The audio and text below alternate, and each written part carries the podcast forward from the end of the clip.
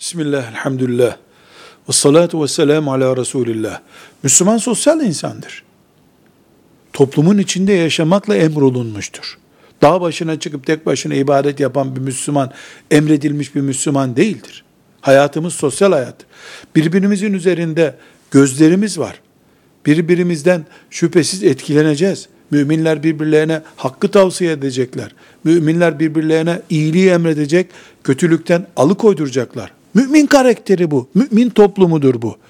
Şimdi ne derler acaba diye merak etmenin ibadete etki eden bir boyutu vardır. Ne derler diye hacca gitti. Böyle bir ibadet olmaz. Ne der filancalar diye evini şu şekilde yaptı. Bu akıl kârı değil.